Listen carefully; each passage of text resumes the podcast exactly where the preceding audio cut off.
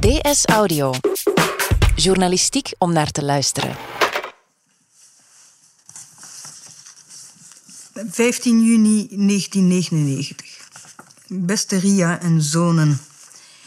Bijna twee jaar lang reden Bart en ik samen naar Mechelen. Soms praatte hij helemaal niet. Soms kwam aan zijn woordenvloed geen einde. Hij zei dan veel, maar toch ook weer niet. Hij was soms moeilijk te peilen. Zo ook zijn vlagen van overmoed en ik weet alles en zij niets, of zijn doofstomme stilzwijgen. In die periode sprak hij me over de manische depressiviteit van zijn vader. Hij noemde toen niet zichzelf. Pas toen hij zes maanden Kortenberg achter de rug had en zich in het Brusselse gevestigd had, belde hij me op met zijn verhaal. Ik heb hem aanhoord. Veel hulp kon ik niet bieden. Zijn dood heeft me niet verrast. Zoals op zijn overlijdensbericht vermeld wordt, hoop ik met jou dat hij in Gods liefde vrede vindt. Dit is Kerkewera. Een podcastreeks over de West-Vlaamse informaticus Bart Kastel. 21 jaar geleden stapte Bart uit het leven. Zijn zoon Brecht was toen acht. Ik ben Brecht Kastel en als journalist doe ik onderzoek naar de impact van zelfdoding. Sinds het overlijden van mijn vader in 1999 daalde het aantal zelfdodingen met 20% Maar het blijft een groot probleem in België. Met vijf zelfdodingen per dag. Voor deze podcast dook ik in dagboeken en brieven die mijn ouders naar elkaar schreven. Bovendien sprak ik met vier sleutelfiguren in het verhaal van mijn vader. In vier afleveringen laat Brecht hen aan het woord en krijgt op die manier een beter beeld van wie hij was. De broers van Brecht schreven en speelden de muziek voor deze podcast. In deze aflevering hoor je het verhaal van Bene.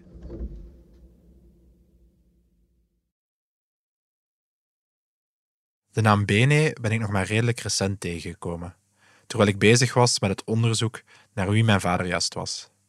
Plots ook die brief op die je aan het begin hoorde. Die is geschreven in 1999, vlak na het overlijden van mijn vader. Bene moet mijn vader een korte periode heel goed gekend hebben. Toen ik uw vader kende, was ik 40.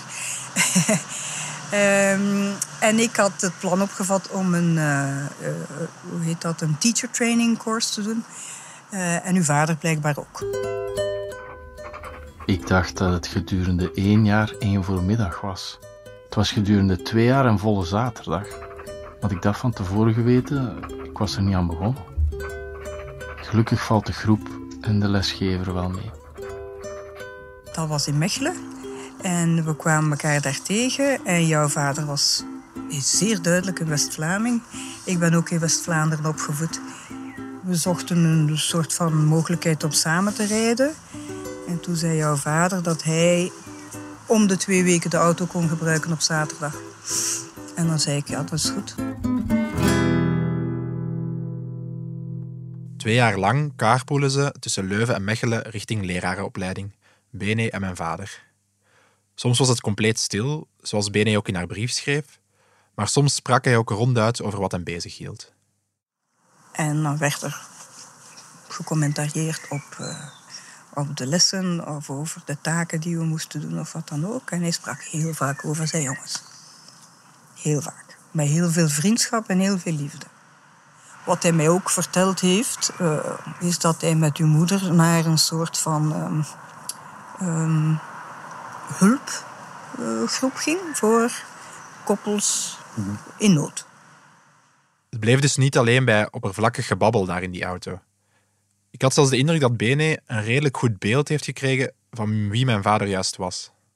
Ja, we hebben altijd veel gepraat. Dit type mens viel mij op. Um, enerzijds met een heel groot ego, maar anderzijds um, ja, balancerend op, um, op een wip van heel pretentieus tot heel nederig. En dat is iets dat ik wel nog vaker gezien heb. Mensen die in, in dat opzicht een heel groot gedacht hebben van zichzelf. Dat ze heel intelligent zijn, dat zijn ze ook. Ehm, dat ze heel veel dingen beter weten dan anderen, en dat is ook zo. Maar ergens dat ze dat niet gecommuniceerd krijgen, of dat zelfs niet willen communiceren aan die anderen. Hoe moet ik dat zeggen? Mensen die veel rapper denken, ja, die begrijpen niet dat andere mensen meer uitleg nodig hebben, zal ik maar zo zeggen. En daar heb ik met Bart wel vaker over gepraat. En hij had het daar heel erg moeilijk mee. Ja. Ik heb de eerste onderwijsontgoochelingen opgelopen. De klastitularis kwam zeggen dat de klas niet wist waarheen de stof gaat. Ik heb haar gezegd dat dit normaal geen probleem zou mogen zijn. Nu, wat hij niet begreep, ik heb dat hem ooit een keer gezegd, uh, nog lang voordat die tweejarige cursus om was. Hij sprak heel erg, in mijn aanvoelen, Brecht, heel erg West-Vlaams. En dat West-Vlaams was toch wel een hindernis, ja. Hier in Brabant, hè. Ik merkte wel aan andere mensen in de cursus dat hen dat stoorde. Ja. Eerst en vooral, de computer is uw vriend. Ja? Uh, dus deze computer wordt bediend alleen en uitsluitend door middel van de taal, het West-Vlaams. Oké, Windows 98 heeft ook een specifieke ja, vertaling uiteraard. Hè? Ja, ja. Rutte 98. Rutte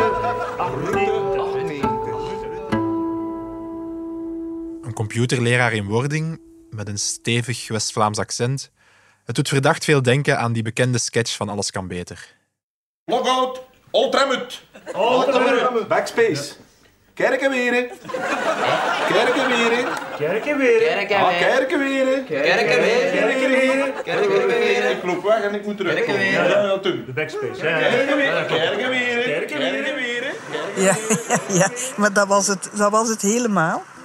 Dat was het eigenlijk.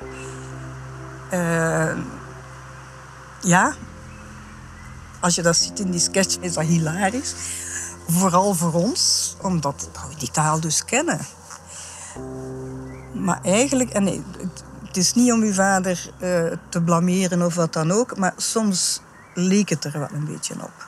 Maar als je, als uw ambitie is om lesgever te worden, jij mag de slimste kerel zijn ooit en het, het, het best zijn in computers of welke, welk vak dan ook, als jij dat niet van aan het begin kan uitleggen, dan heb je een probleem als lesgever. En daar is het met Bart een beetje misgegaan. Um, en we hadden dus een, um, een oefenles die we aan onze klasgenoten moesten geven. Hij heeft daar een les gegeven waar, denk ik, niemand van begrepen heeft waar het over ging. Uh, er waren dingen die voor hem zo vanzelfsprekend waren, dat hij dus ook niet vond dat dat moest uitgelegd worden. Daarna volgden dan enkele theoretische lessen en daarna was het proclamatie. Maar mijn vader was niet aanwezig. En ik wist ook helemaal niet waarom. Ik dacht, ja, misschien kan hij niet, misschien is hij verhinderd, wat dan ook. Maar toen bleek dat hij ook niet afgeroepen werd. Hij was niet geslaagd. En uh, de persoon die daarvoor verantwoordelijk was, die hoorde ik zeggen aan iemand anders van ja, theoretisch was het allemaal prima. Dus alle schriftelijke examens die hij ooit gedaan had, waren prima. Maar we kunnen hem toch niet voor de klas laten staan. Uh, hij is niet gemaakt voor het onderwijsvak. Ja? Ik zei al, het zijn twee dingen. Zijn intellect dat erop ging en zijn taal die volgens mij toch wel een hele grote rem geweest is. Die ervoor gezorgd heeft dat hij zijn onderwijsbevoegdheid niet gekregen heeft. En dat is als een bom ingeslagen bij Bart. En hij wist het op voorhand en daarom kwam hij niet. Bene heeft hem een paar keer proberen te bereiken, maar steeds zonder resultaat. Tot enkele maanden later mijn vader haar plots opbelt. Hij zegt, is Bart Kastel. Ja, oh Bart, ja. waar was jij? We hebben naar je uitgekeken en dat was ook zo. En we hebben je niet gezien. En nee, ze zegt hij, ja, je weet toch waarom? Eh, ik zeg ja, achteraf heb ik vernomen waarom. En in mijn herinnering was hij nogal nors en vroeg hij of ik daar iets mee te maken had. Ik vond dat heel vervelend, want ik had er niks mee te maken. En ik vond het heel sneu voor hem ook hoor, dat hij het niet gehaald had. Ik weet dat ik mijn best gedaan heb om tegen hem te zeggen van Bart, ik heb er niets mee te maken. De beslissing lag bij de school. En het is jammer. Ehm, ja, maar dan, dan, ja, dan hadden we niks meer te zeggen, denk ik. Hè? En dan is dat gesprek gewoon zo gestopt. Dat was het laatste gesprek dat Bene en mijn vader met elkaar hadden. Al wist Bene dat toen zelf nog niet.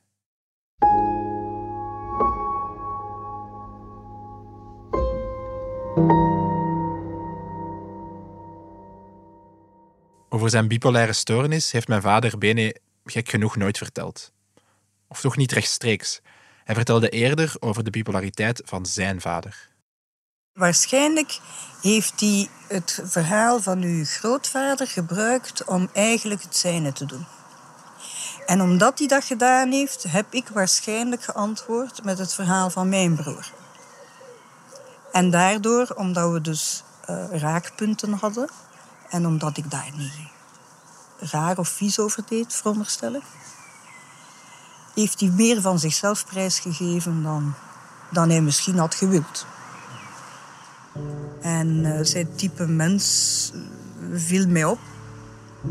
En um, parallel lopend het verhaal van mijn broer. En die zat ook al in een traject van ups en downs en zo.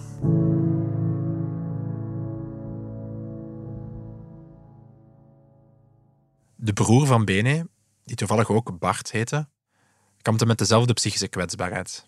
Zowel mijn vader als haar broer hadden een bipolaire stoornis. Leven met psychisch zieke mensen, dat is heel moeilijk. Niemand heeft daarvoor geleerd. Natuurlijk, er is altijd angst van, goh, hij zal rare dingen doen, uh, of wat dan ook. Uh, of er misschien uitstappen, dat is, dat is ook emotioneel heel zwaar. Wij hebben het voor gehad dat het aangekondigd werd dat hij er zou uitstappen. In het weekend dat kwam. De man en ik hebben hier hand in hand liggen wenen in ons bed. Van wat moeten we doen? Hij zat ergens waar we hem zogezegd niet konden vinden. Dus we konden hem niet vinden. Je kunt niet zeggen dat de politie gaat hem zoeken of wat dan ook. Wij waren op dat moment al in de positie of in, of in de gemoedstoestand van te zeggen van kijk, het is blijkbaar iets dat gaat gebeuren. Wij kunnen daar niks aan doen. Maar eigenlijk vinden we dat erg triest. In elk geval um, wil ik maar zeggen wat een effect dat dat heeft op liefhebbende kennissen, broers, vrienden, zussen van die zieke persoon. Je gaat daarmee slapen en je staat daarmee op. Van wat gaat nu weer zijn? De telefoon gaat. Oh, nee. Je zit je, jaren aan een stuk. Hebben wij eigenlijk, we zeggen, met de klauwen aan de muur gehangen. Van stress. Wat gaat er nu gebeuren? Uw moeder is ook op die manier door de hel gegaan. Dat is een feit. De mensen die leven met iemand die psychisch ziek is en die er dan eventueel uitstapt, die gaan even goed door de hel. Een andere hel, een ander soort hel. Dat psychisch lijden ook zwaar is voor de omgeving, hoorde ik ook van mijn moeder. En hoe zwaar het voor de persoon zelf is, kon ik dan weer lezen in de dagboeken van mijn vader. Ik voel me depressief. Ongeveer alles begint mij te veel te worden. Het werk, de klusjes, thuis, het geruzie. De laatste weken niet veel moed. Het is heel lastig om aan iets te beginnen. En, en als het begonnen is, thuis kan ik is het beter zo vlug mogelijk gedaan. Ik ben al blij dat ik af was na tien dagen, vier maanden als gevolg van die zo'n veertien dagen in mijn bed gezeten met zelfdodingsgedachten en neigingen.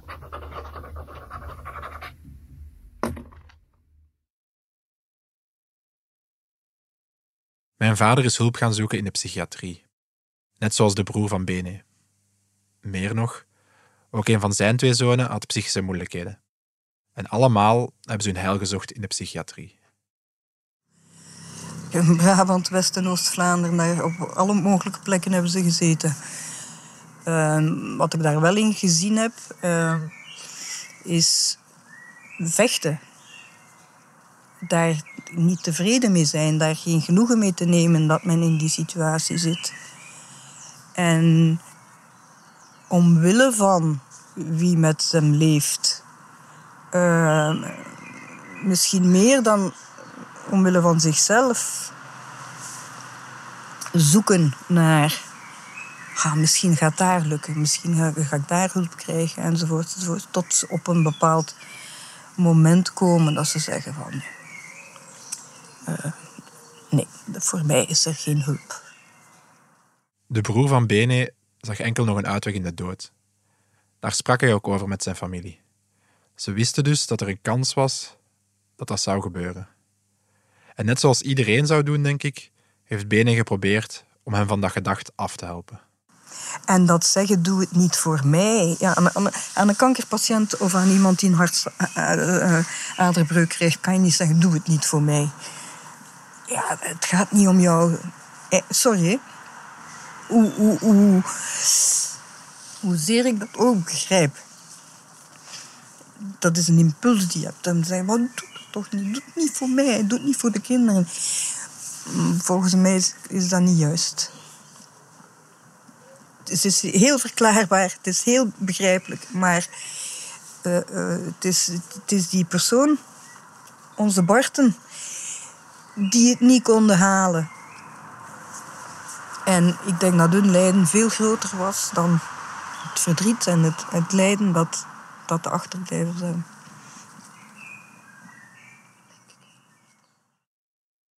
Benes broer Bart stapte uiteindelijk in 2004 uit het leven. Net zoals mijn vader, ook Bart, vijf jaar eerder. En ook de neef van Bene, de zoon van haar broer, zag geen andere uitweg. Elk verhaal is anders. Geen twee suïcides zijn hetzelfde. En toch vond ik de parallel van die twee Barten troostend voor mezelf. Mijn vader was geen alleenstaand geval.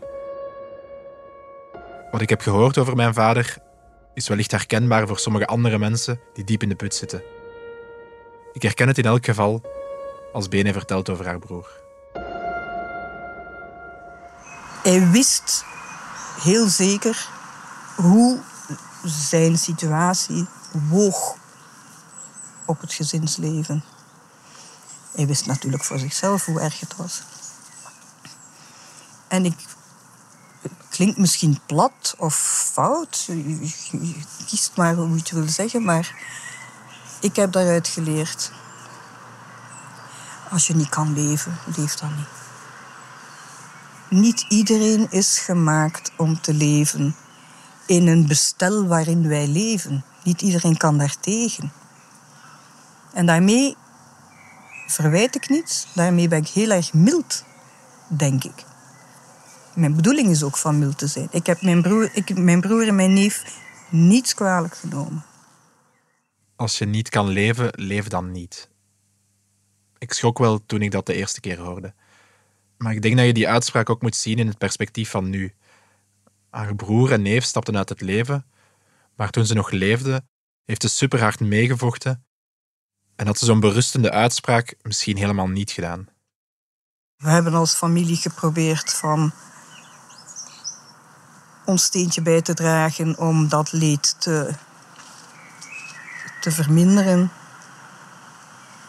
Uh, alles gedaan wat we konden om aangenaam te zijn tot op ogenblikken dat het zo onaangenaam was, hun, zijn gedrag, hun gedrag, dat wij er helemaal gek van werden. Altijd opnieuw denkende van, we gaan een keer opnieuw doen, opnieuw, opnieuw, tot er geen opnieuw niet meer is. En ja, als het dan gebeurt, dat wat je zo vaak geweten hebt dat zou gebeuren, ik heb er zelfs nooit aan getwijfeld. We waren alleen aan het wachten op het moment. Dan zit je, dat is puur mijn persoonlijk verhaal, Ehm ben je opgelucht. Opgelucht omdat de persoon zelf die eruit gestapt is, ehm, die zorg niet meer heeft. Waar dat hij zo ziek van werd, waar dat hij zo, zo niet mee om kon. En als ik eerlijk mag zijn, opgelucht omdat je dat als familie niet meer moet meemaken. Want dat is verschrikkelijk. Ik vond het wel opmerkelijk dat ze zich vooral die opluchting herinnert. Dat was natuurlijk niet het enige wat ze toen voelde. Ik vroeg haar dan ook of ze bijvoorbeeld ook kwaadheid en onbegrip had in die eerste dagen en weken na de zelfdoding. Ik denk dat we daar al voorbij waren. Uh, als dat allemaal lang genoeg duurt, die processen die daartoe leiden. Ja, en misschien, misschien heb ik daar. Uh, vinden sommige mensen dat ik daar heel rap in geschakeld ben, maar. Um,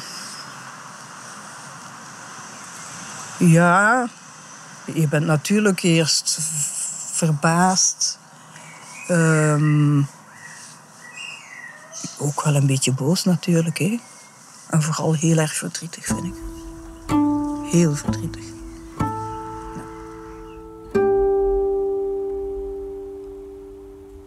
Met die tegenstrijdige emoties kon niet iedereen om. Ik heb na toen Bart effectief gestorven is, uh, heb ik aan twee collega's van mij die vroegen wat er gebeurd was, gezegd van chroniek van een aangekondigde dood. Die vonden dat niet kunnen. Die vonden dat ik een onmens was. Ja, maar ik vond dat dat mijn recht was om dat te zeggen. En dus in dat opzicht zeg ik ook, je moet daar niet over zwijgen.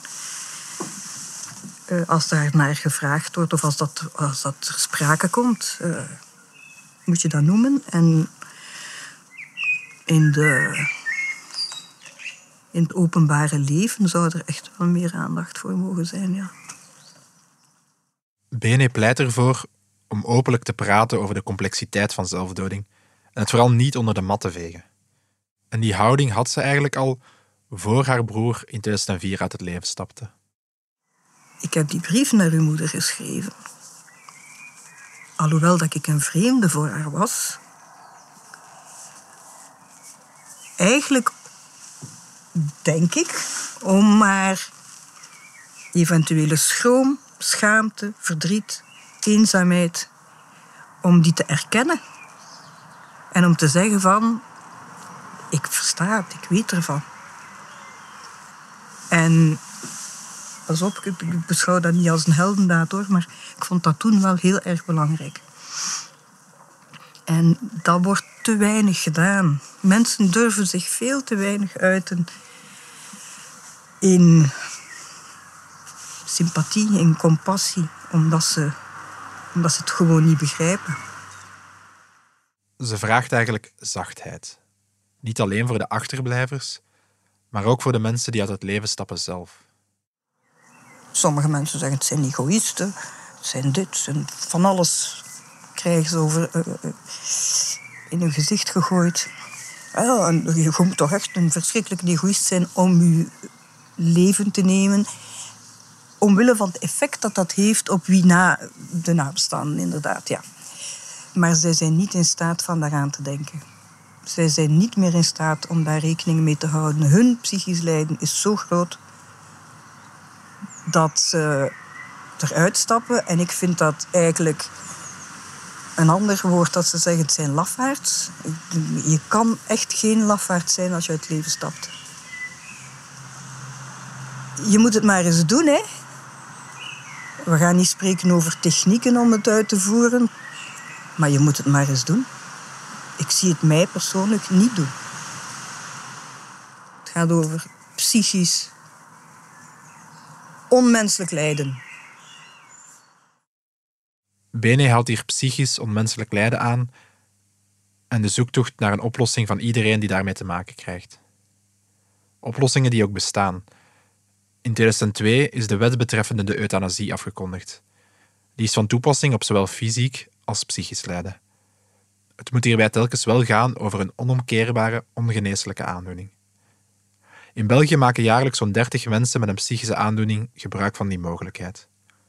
Daar hangt natuurlijk wel een hele procedure aan vast en voor Bene zou die toegankelijker mogen zijn.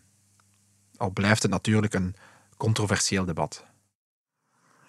Want wat de mensen, de tegenstanders, eh, zich niet realiseren, is hoe erg dat dat moet zijn. Om helemaal op uw alleentje eruit te stappen. Er is geen kip die naar u kijkt. Je bent helemaal alleen. Je moet de daad zelf doen. Ik persoonlijk ben voorstander van euthanasie voor mensen die psychisch lijden. Dan gaan ze zeggen, hoe kwantificeer je dat? Hoe bepaal je dat? Wel, als je de mensen kent die de zelfdoding uitgevoerd hebben, dan weet je. Dat is, je doet dat niet zomaar. Als ze dan... Dat is wel een, een, een verdriet. Bart heeft dat gezocht. Een plek. Heeft gevraagd aan verschillende mensen. Van hem daarbij te assisteren mensen die daar niet toe bevoegd waren, die daar ook de middelen niet toe hadden, van eh, nee, dat kan je mij niet vragen. En indien er wel iets geweest was, geassisteerde zelfdoding, enfin, geassisteerde doding, hoe je het wil noemen, dan uh, zouden die geliefden van ons uh, minder afgezien hebben heel veel minder. Ja. Dan zou er misschien voor een aantal mensen een betere oplossing zijn, een menselijkere oplossing.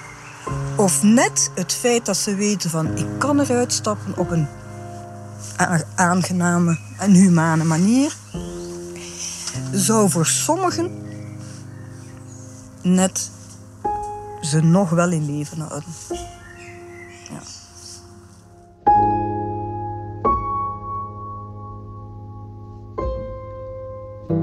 Dit was Kerkewere met het verhaal van Bene. Volgende aflevering hoor je Ria, de vrouw van Bart. Wie met vragen zit rond zelfdoding, kan terecht bij de zelfmoordlijn op het gratis nummer 1813 en op de site zelfmoord1813.be. Voor algemene vragen over onze podcasts kan je terecht op dsaudio.standaard.be. Deze podcast werd gecreëerd door Brecht Kastel, met steun van Fons Pascal de Kroos en met dank aan Wouter van Driessen. Story production gebeurde door Annelies van der Roost en eindredactie deed ik, Nele Eekhout. De muziek werd gecreëerd door de broers van Brecht, Stijn en Dieter Kastel, in samenwerking met Brecht Plasgaard. De brieven en dagboekfragmenten werden ingesproken door Valentijn Danes en Siona Houthuis. Dank ook aan Woestijnvis voor het fragment uit Alles kan beter. Opnames gebeurden door Miguel de Oliveira e Silva, Findelle, Joris van Damme en Brecht Plasgaard. Audioproductie gebeurde door Brecht Plasgaard. Alle credits vind je via www.standaard.be-ds audio.